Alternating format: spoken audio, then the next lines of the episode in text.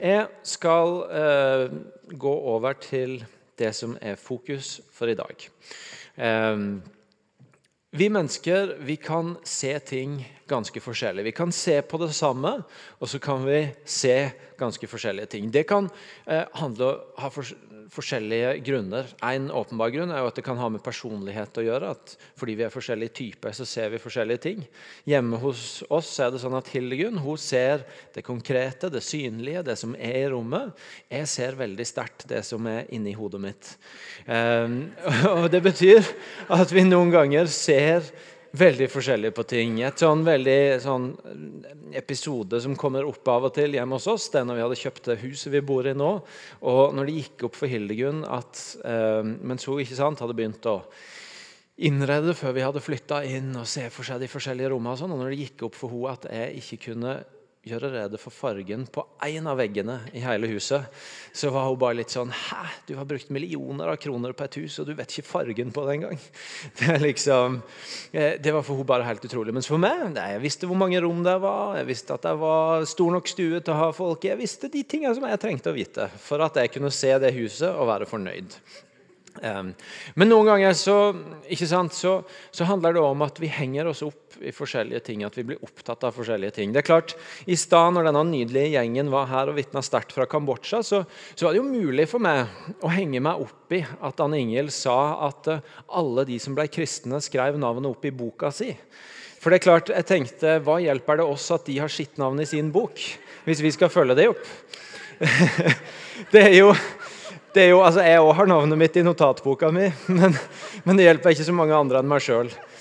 Men det er klart, hvis det ble poenget, og jeg ikke fikk tak i at her står det en mann og sier dette var jo helt rått, jeg har ikke vært med på noe lignende, eller at Kjartan liksom nesten litt sånn i forbifarta sier ja, og så ble alle kristne etterpå, så, så har jeg jo på et vis gått glipp av noe. da, kan du si. Det handler ikke bare om at vi er forskjellige typer, men det handler om at noen ganger hvis vi ser så sterkt på noe, så går vi glipp av noe som er viktigere. Det er sånn at uh, Vi kan ha alt rett og likevel bomme fullstendig på poenget. Og I dag så er vi kommet til kapittel 5 i Johannesevangeliet. Hvis du er på besøk her, så går vi denne våren gjennom Johannesevangeliet i menigheten. og Vi tar ett kapittel av gangen. Vi har kommet til kapittel 5. Og Der er det en historie som eh, illustrerer ganske tydelig at du kan ha alt rett og likevel bomme ganske solid på poenget. For vi møter Jesus. Han er tilbake i Jerusalem eh, for å feire en jødisk høytid. og På veien så stopper han ved det som kalles Betestadammen. Et sted hvor syke mennesker eh, samla seg eh, fordi, står det, at, eh, at det var håp om å få en helbredelse der. Det står fra vers 3. Der lå en mengde mennesker som var syke, blinde, lamme og uføre. De venta på at vannet skulle komme i bevegelse, for en engel fra Herren steg fra tid til annen ned i dammen og rørte opp vannet. Den første som steg ned i dammen etter at vannet var blitt rørt opp, ble frisk, uansett hvilken sykdom han hadde. Så Jesus er altså på et sted hvor det er masse smerte, for her er det antageligvis hundrevis av syke mennesker. Og så er han på et sted hvor det også er en god del håp. Fordi innimellom så vet de at det er en mulighet for helbredelse. Og kanskje er det min tur neste gang. Og Midt inni denne kombinasjonen av smerte og håp så, så fokuserer historien inn på én person. Som har ligget der, eller Det står ikke hvor lenge han har ligget der, men det står at han har vært syk i 38 år. Og Hvis vi vet levetida for vanlige mennesker på den tida, så forteller det oss at han antagelig har vært syk enten hele eller mesteparten av livet sitt, og at han ikke har så veldig lenge igjen å leve. Så, så En mann som nesten ikke vet om annet enn å være syk, og som ligger der. Og egentlig, når du leser om han, så kan du være litt i tvil. Er han der fordi han har et håp om å bli frisk, eller er han der bare fordi han har ikke noe bedre sted å gå, eller han er blitt vant til å være der, eller det, det er bare der han går.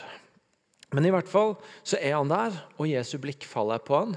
Og vi ser fra vers eh, 6 hva som skjer. Jesus så han ligge der og visste at han hadde vært syk lenge, og sa til han, 'Vil du bli frisk?' Den syke svarte, 'Herre, jeg har ingen som kan få meg ned i dammen når vannet blir rørt opp.' 'Og når jeg kommer fram, så går alltid en annen uti før meg.' Da sier Jesus til han, 'Stå opp, ta båren din og gå.' Straks ble mannen frisk, og han tok båren sin og gikk. Han er helbreda. 38 år som syk, og så får han et nytt liv på slutten av livet sitt. Han er frisk, han kan gå. Han er, han er fri fra det som har holdt han lenka til ei båre. En fantastisk hendelse. Og det, det, er grunn for oss når vi leser det, til å tenke at nå bryter feiringa løs. Det ville det i hvert fall gjort hvis en sånn historie kom her i huset. Hvis noen som hadde vært syk i 38 år, kom her og fortalte at nå har Gud gjort meg frisk, så hadde vi feira det, vi hadde jubla. Hvis ikke dere hadde gjort det av dere sjøl, så hadde jeg tvunget dere til å gjøre det. Fordi sånt feirer vi i denne kirka. Eh, og, og, en kan tenke at nå er det det som kommer i denne historien òg. For det er jo sånn i evangeliene mange steder at når Jesus gjør noe overnaturlig, noe ekstraordinært, noe som, som, ikke folk kunne få hvor som helst. Enten det er en helbredelse, eller han snakker inn i folks liv på en måte som var uvanlig, eller han på en annen måte møter de. Så ser vi jo mange steder at da tiltrekkes folk. Da, da kommer folk til. og Senest i forrige kapittel, i kapittel 4, så leser vi om kvinnen ved brønnen, hvor Jesus vet alt om henne uten at noen har fortalt det. Han, han får en profetisk innsikt. Og så løper dama tilbake til byen og forteller at jeg har møtt en mann som har fortalt meg alt. Og så, og så står det at mange kom til tro pga. det kvinnen fortalte. Det at Jesus handler, at noe skjer rundt ham, det har en tiltrekningskraft. Og En kunne jo tenke at når et såpass stort mirakel og en såpass stor livsforvandling som det vi møter her, skjer, så er det det samme vi skal få møte også her.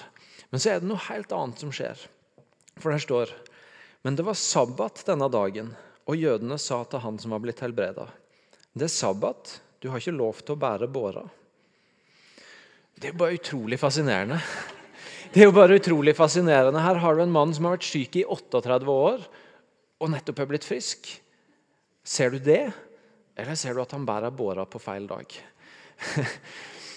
Det er ikke åpenbart at responsen er som det, men det er det responsen er. Og Så svarer jo mannen da ja, men det, det var, Han sier det var han som gjorde meg frisk, som sa 'ta båra di og gå'. Det var ikke noe han hadde funnet på sjøl. Det var han som hadde gjort ham frisk, som hadde sagt han det. Og, jeg tenker De får én sjanse til til å OK, ok, ja, men da ikke din skyld. Da feirer vi at du er blitt frisk. Men svaret, det er jo Hvem er det mennesket som sa at du skulle ta båra di og gå? Det er liksom, De griper ikke den sjansen heller. I stedet så er det bare Hvem er det som har fortalt deg at du må gjøre noe sånt? Ehm, og En stund seinere treffer Jesus denne mannen igjen, og han gir seg til kjenne. Og, ehm, og Der står at seinere fant Jesus mannen på tempelplassen og sa til han, nå er du blitt frisk, synd ikke mer for at ikke noe verre skal hende deg. Mannen gikk da og fortalte jødene at det var Jesus som hadde gjort ham frisk. Fordi Jesus hadde gjort dette på sabbaten, begynte jødene å forfølge ham. Det er litt sånn Hvis du skulle hatt en quiz ikke sant? En mann blir helbreda etter 38 års sykdom. Hva er responsen? A. Feiring. B. Forundring kunne jo være et alternativ. Ja, det er uvant, det er spesielt. Dette får meg til å undres. Eller C. Forfølgelse. Og det er faktisk det det står at skjedde. Da begynte jødene å forfølge han. Og Det kan en gjøre seg mange tanker om. Hva, hva er det for noe? Hvordan går det an? Uh, og, og, og, på en måte det er lett for oss og det er lett for meg å stå her og stå på utsida av historien og karikere det litt fordi at det er litt gøyalt, og, og vi kan le litt av det. Og på en måte karikere disse menneskene som tilsynelatende responderer så utrolig snålt på et så fantastisk hendelse. Men så vet vi jo egentlig det, at disse menneskene Det var nok ikke sånn at de våkna opp om morgenen og tenkte hm, hvem kan, vi, hvem kan vi ta i dag? Hvem kan vi fange et eller annet i dag? Dette er jo mennesker som ganske sikkert tror at de gjør det rette, og ikke minst tror at de beskytter det rette. Og som er så opptatt av å beskytte det som er rett, og det som de tror er det rette, at de går fullstendig glipp av det Gud gjør midt iblant dem. De har blikket sitt så på at de skal beskytte loven, de skal beskytte sabbaten, de skal beskytte noe som de tror kommer fra Gud. At de henger så fast i det at de klarer ikke å se det Gud gjør midt iblant dem. Og Det er jo som jeg sier, på den ene sida noe som vi kan stille oss litt på utsida av og synes er rart, le litt av, riste litt på hodet av. Og så vet vi samtidig at hvis vi tenker oss litt om at dette er jo ikke en utfordring som er fullstendig fjernt fra oss. dette. At, at noen ganger så ser vi, men vi ser ikke. Vi henger oss opp i noe, og så ser vi bare det. Og så går vi glipp av at det var noe annet som var viktigere. Og den responsen som Jesus gir til det som skjer her, den ligger der noe utrolig fint i, som jeg tror hjelper oss til å tenke litt rundt. Hvordan vi i mindre grad både kan bli fanga i at andre ser på oss på den måten og henger seg opp i ting, og hvordan vi kan se andre på en annen måte enn å bare henge oss opp i ting. Fordi Jesus han begynner først litt kryptisk. Han sier 'Min far arbeider helt til nå'. Også jeg arbeider.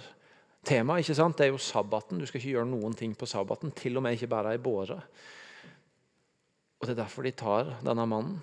Og Så svarer Jesus litt sånn kryptisk ja, men min far, og alle skjønner at det er Gud, jobber, så da jobber jeg òg. Og Det blir ikke veldig mye bedre. Det står faktisk i verset etter at etter dette var jødene enda mer oppsatt på å få han drept. Så det kasta i hvert fall ikke noe sånn demper på stemninga. Men så eh, svarer han litt mer utfyllende i, fra vers 19. Han sier, 'Sannelig, sannelig, jeg sier dere:" Sønnen kan ikke gjøre noe av seg sjøl, men bare det han ser sin far gjøre. Det far gjør, det gjør også sønnen. For far elsker sønnen og viser han alt det han sjøl gjør. Og han skal vise han større gjerninger enn dette, så dere skal undre dere. Dette er veldig sånn innholdsmetta ord. Men det vi ser, er at Jesus knytter han til sin relasjon til far i himmelen. Det er det som han tar utgangspunkt i når han skal forklare hvorfor dette blir som det blir, hvorfor han gjør som han gjør. Han sier på en måte at vi, eller vi forstår av det Jesus sier, at når, når, Jesus kommer inn i et rom, eller når Jesus kommer inn i en situasjon, når Jesus møter et menneske, så er ikke hans første spørsmål hm, hva skal jeg mene her? Eller hva skal jeg mene om han eller hun? Eller heller ikke hva skal jeg gjøre her? Hva skal jeg finne på her for at det skal bli et eller annet som skjer? Men vi skjønner at det første spørsmålet Jesus har i møte med et nytt rom, en ny situasjon, et nytt menneske, det er hva gjør du nå for? Hva gjør du nå far? Det er spørsmålet han stiller. Det er det som er hans fokus, og det er det som blir styrende for hvordan han handler. Og Han gjør det enda litt tydeligere når han i vers 30 sier, for jeg søker ikke det jeg sjøl vil, men det han vil, han som har sendt meg. For de som hørte Jesus, så har det vært lett å høre det Jesus her sier, og ha bilde av det som var far-sønn-relasjoner i den tida. Hvor det var helt vanlig at en, far, at en sønn gikk i lære hos sin far, og så hva far gjorde med, med håndverket sitt, med yrket sitt. Og så så han på det han gjorde, og så gjorde han det samme. Og så ble han lik sin far. Så det var lett for dem å forstå at her bruker Jesus et bilde av en tett relasjon til sin far. Og Dette er et tema som går igjen i Johannes-evangeliet. Noe av det som kjennetegner Johannes-evangeliet, det er hvordan, hvordan, Jesus bruker ord og formuleringer og bilder som gjør det så tydelig for oss at, at, for han så er ikke Gud i himmelen en sånn fjern skikkelse som han en gang kom fra før han kom ned til jorda. Men for han så er relasjonen til far nær og tett. Og Han snakker i nære bilder. Han, han, henvender seg når han ber, så er det på et så nært, åpent språk som du skjønner at han kjenner far godt. Og Så ser vi altså her hvordan fokuset hans, og det kommer også fram andre steder, er far. Hva er det du gjør? Hva er det du er opptatt av? I kapittel 4 så sa han min mat, det som gjør meg mett, det å gjøre det jeg ser far gjøre. Det blikket hans er på far. Og vi lærer at at for Jesus så går relasjon foran det å ha rett. For Jesus så kommer relasjon foran det å ha rett i en sak. For det første så kommer relasjonen til far høyt oppe. Relasjonen til far. 'Far, hva gjør du nå?' 'Far, hva er du opptatt av?' 'Far, hva ser du her?' Men i neste omgang så lærer vi også når vi ser på Jesus, at han setter relasjon først i møte med andre mennesker. Hvorfor er det sånn at Jesus stadig vekk blir anklaga for å henge med feil folk. Hvorfor kommer folk til disiplene hans og spør ja, men hvorfor spiser han med toller og syndere? da? Hvorfor kalles Jesus storeter og vindrikker? Han er så opptatt av relasjon Av å ikke bare møte et menneske og få sagt hva han mener om det, men å få sette seg til bords med det og komme nær det og bli kjent med det. At han er villig til å velge igjen og igjen relasjon framfor å sette skapet på plass og ha rett. Han møter Sakkeus og, og har alle muligheter. Han hadde hatt hele folket med seg om han bare hadde satt skapet på plass for Sakkeus. Sakkeus, du som sitter der oppe, kom an, skjerp deg. Du har lurt så mange folk for penger. Og, og Det er ikke rart at du må snike deg opp i et tre for at du skal få se, for det er din egen skyld. Men han sier, 'Kom an, kom ned. Jeg vil besøke deg. Kan vi sette oss til bords og spise sammen?' Jesus setter relasjon foran det å ha rett. Og så betyr ikke det at han ikke er opptatt av hva som er rett. At han kaster det vi gjerne kaller Guds gode vilje. Det som er det rette, det som er sannheten. At han kaster det på båten fordi at, eh, fordi at han, han vil bare ha relasjon med folk. Nei, i dagens tekst og i mange andre tekster så ser vi at han sier, han sier også 'synd ikke mer'. I forrige kapittel med kvinnen ved brønnen så er hele utgangspunktet for relasjonen, for samtalen, at han tar tak i noe i denne damas liv som, som ikke er på stell. Du har hatt fem menn, og den du har nå, er ikke din egen. Men han klarer å gjøre det med, med en tilnærming av relasjon som gjør at dama ikke bare føler seg dømt, men hun føler seg sett. Hun føler seg kjent. Det er en relasjon i bånd. Det er ofte vi mennesker som tenker at vi må velge mellom relasjon eller rett. Som tenker at enten så må vi sette skapet på plass og si det som det er. og fortelle folk eh, hva, hva som er saken her. Eller så må vi bare drikke kaffe og synes at alt er greit. Men Jesus han viser oss at vi trenger ikke å velge, men at han setter relasjonen først. Og så er han villig til å, med det som bakgrunn, og også begynne å snakke inn i folks liv. Og det er et nydelig bilde. Mot slutten av evangeliene så er det en hendelse hvor de kommer en hel gjeng for å ta Jesus til fange. Og Peter, denne disippelen som er fus i alt, han er selvfølgelig også førstemann opp med sverdet av slira og tar og hogger av øret på en av disse som skal ta, ta Jesus til fange. Og så sier Jesus, stikk sverdet ditt på plass igjen, for alle som griper til sverd, skal falle for sverd. Tror du ikke jeg kan be min far, og han ville straks sende meg mer enn tolv legioner engler? Men hvordan skulle da Skriftene oppfylles? Jesus kunne ha påkalt all verdens krefter han, for å stoppe disse som skulle ta han til fange. Men det er ikke den veien, for det første er det ikke den veien far har vist han at han skal gå. Og Hans fokus er hva er det far, hvor leder far meg? Hva er det far viser meg? Men det andre er også at han har skjønt at han skal ikke bare kjempe for det gode, men han må kjempe med det gode. Det er ikke sånn at målet helliger middelet. Men, men, men, skal han faktisk bringe det han er satt til å bringe i denne verden, så kan han ikke bare kjempe for det gode, men han må kjempe med det gode. Han kan ikke plutselig gå rundt og ta til sverd. Det er en gammel biskop, Per Lønning, som skriver i, eh, i uh, ei bok at Jesus er ikke kommet for å tilintetgjøre synderen, men for å bli ett med han. Jesus er ikke kommet for å tilintetgjøre, for å overvinne, for å ta rotta på synderen. Han er kommet for å bli ett mann, for å få relasjon med han, sånn at han kan bringe han nytt liv. Og Det er det vi møter noe av i, i dette livet. Hva betyr dette for oss? Mange ting vi kunne snakke om. Jeg opplever Gud har minnet om to ting som, som er på hjertet i dag. Og Det ene handler om at vi skal kunne vite at hvordan Jesus ser på oss. Fordi vi lever, og en del av oss lever til tider i situasjoner hvor det fins mange meninger om oss, rundt oss.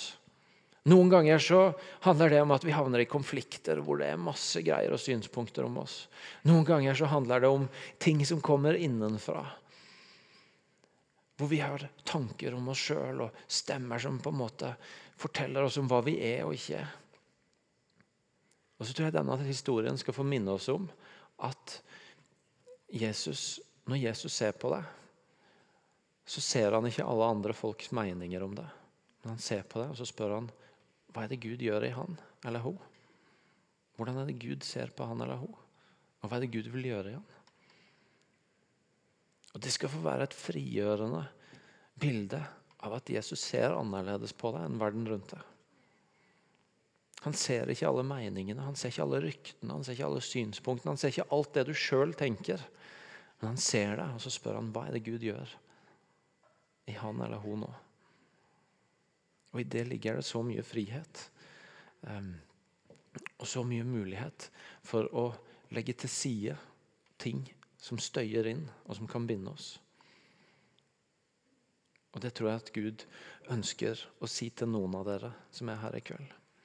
Det andre er at dette selvfølgelig utfordrer oss. Dette utfordrer meg. Jeg vil tro det utfordrer en del av dere. Fordi vi kan le av disse som ser en helbreda mann og bare ser ei båre som blir båret på sabbaten. Men det er jo klart at jeg og du òg har jo en del ganger tendens til å se mennesker rundt oss og henge oss opp i ting som ikke nødvendigvis var poenget. Liker ikke holdninga hans. Jeg er uenig med han. Eller enda verre og kanskje mer ubehagelig. Jeg, jeg liker ikke lukta eller det jeg ser. Vi gjør jo det noen ganger. Og så utfordrer det, det møtet vi får med Jesus i dag, og det Jesus sier i dag, og, og det som er bildet han i evangeliet oss, på å stille andre spørsmål. På å legge til side at du ikke liker holdninga, at du er uenig, at det lukter annerledes. at et, Hva det nå måtte være. Og heller stille det spørsmålet Jesus ville stilt hvis han så på det mennesket. Hva er det Gud gjør i han? Hva er det Gud gjør i han? Det er et ganske kjent uttrykk som sier at du kan vinne en diskusjon, men tape en person. Og Det er godt sagt, og Jesus viser en helt annen vei. For han setter relasjon foran det å ha rett. Og Det betyr at han er faktisk villig til å droppe diskusjonen hvis han kan vinne personen. Og Når han har fått relasjonen, så vil han heller peke veien til der sannheten og livet er. Og jeg og du, vi utfordres på å på å eh, jobbe med den holdninga. På å stille det spørsmålet, på å legge til side ting. Og Vi utfordres på å skape arenaer for hverandre, og vi kan hjelpe hverandre med å få tak i hva er det Gud gjør i livet mitt nå. Snakka for ei tid tilbake med en som, som opplevde at Gud hadde minnet han om noe. Men så syntes han det var vanskelig å være trygg på sånn helt på egen hånd. Er dette Gud? Er dette sikkert? Og Så gikk han til huskirka si og så, og så spurte han de, kan dere hjelpe meg å finne ut om dette er Gud, eller om det bare er meg. Og Tenk om vi kan være et sånt fellesskap med hverandre. Det er noe av drømmen for huskirkene. At, at det kan være et sted hvor vi hjelper hverandre til å se hva gjør Gud i de andre vi sitter til bords med, de andre vi er i fellesskap med. Hjelpe hverandre til å se hva gjør Gud i naboen min, hva gjør Gud i kollegaen min. Hjelpe hverandre til å bli fri fra å, skulle bare ønske han forandra på det. Skulle bare ønske jeg ble spilt opp ballen, så jeg kunne hamre inn det jeg mener om akkurat det der.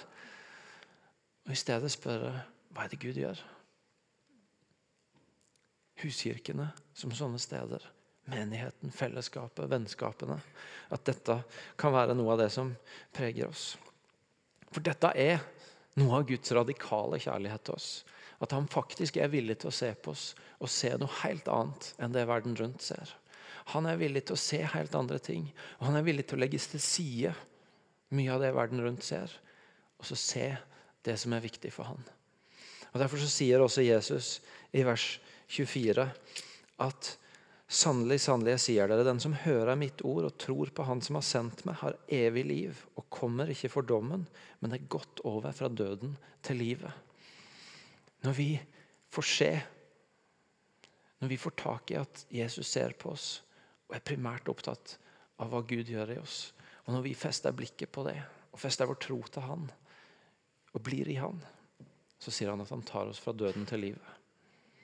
Litt seinere i, i, dette kapitlet så, så, sier faktisk Jesus til disse folka at problemet de sitt, det er at de er så opptatt av hva alle andre tenker, at de går glipp av hva Gud gjør, og hva Gud vil si dem. Han sier til dem dere leser Skriftene, men dere skjønner ikke at de handler om meg. For dere er så opptatt av å søke andre menneskers ære at dere får ikke tak i hvem jeg er. Dere får ikke tak i hva Gud gjør. Og Det er Guds invitasjon til oss. Å legge til side andre mennesker, ære for andre mennesker. Å legge til side alle andre synspunkter, og i stedet få tak i hva er det Gud sier. Skal vi reise oss opp og be sammen? Opplever, og jeg har vært inne på det i talen, at det er to ting som Gud har minnet om at han ønsker å snakke inn i i dag, og som jeg har lyst til at vi også skal be inn i. Det første er at jeg tror det er noen av oss her i dag som trenger å bli minnet om hvordan Jesus ser på det. Fordi det er så mange meninger og stemmer rundt deg akkurat nå som skal fortelle deg hvem du er, at du trenger å bli tatt tilbake til å høre at når Jesus ser på deg, så er hans fokus hvordan er det Gud ser på deg? Hvordan er det far ser på deg? Hva er det han gjør i deg? Det kan handle om forskjellige ting. Det kan handle om at du er i konflikter. Det kan handle om at du har mista jobben og har masse tankekjør på hvem er jeg nå, og hva tenker folk om meg nå. Det kan være relasjoner som har gått i lås. Men, men du er der at det er alle meningene rundt fra andre som forstyrrer. Og så ønsker jeg Gud i kveld å ta blikket ditt tilbake og si men her er det jeg tenker om det. Og Hvis det er relevant for ditt liv, så bare jeg han i været, så har jeg lyst til at vi skal be for deg. Mm. Mm. Flott. Vi skal be for dere. Jesus, takk for at du er her. Og takk for at du er den som ser annerledes enn alle andre. Takk for de brødrene og søstrene her nå som, som har gitt til kjenne at akkurat nå så trenger de å bli tatt inn i det blikket du har på dem. De, de kjenner alle de andre blikka, de kjenner alle de andre stemmene. Og de kjenner sine egne stemmer. Men nå trenger de ditt blikk, som spør Gud. Far, hvordan ser du på meg? Hva tenker du om meg? Hva er det du gjør i meg? Og jeg inviterer deg til å akkurat nå bare begynne å tale til dem om det. Til å møte dem på det. Til å minne dem om hvem de er i du. Til å tydeliggjøre for dem hva det er du ønsker å gjøre i dem nå. Og hvordan du der det er smerte, ønsker å vende det onde til det gode. Og der hvor det er utfordringer, det du ønsker å bety inn i det.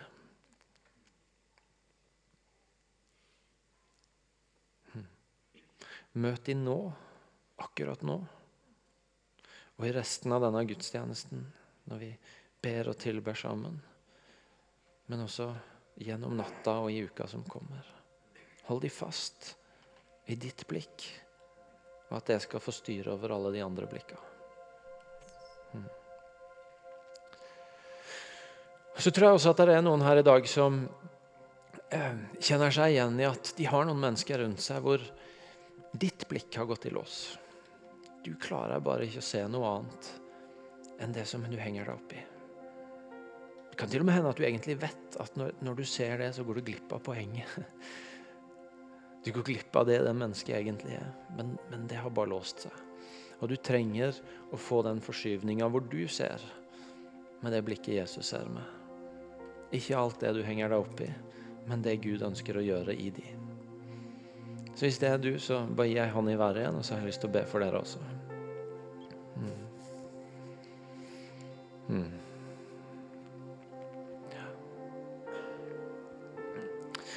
Jesus, takk for også disse brødrene og søstrene som, som egentlig nå gir til kjenne at de ønsker å følge deg.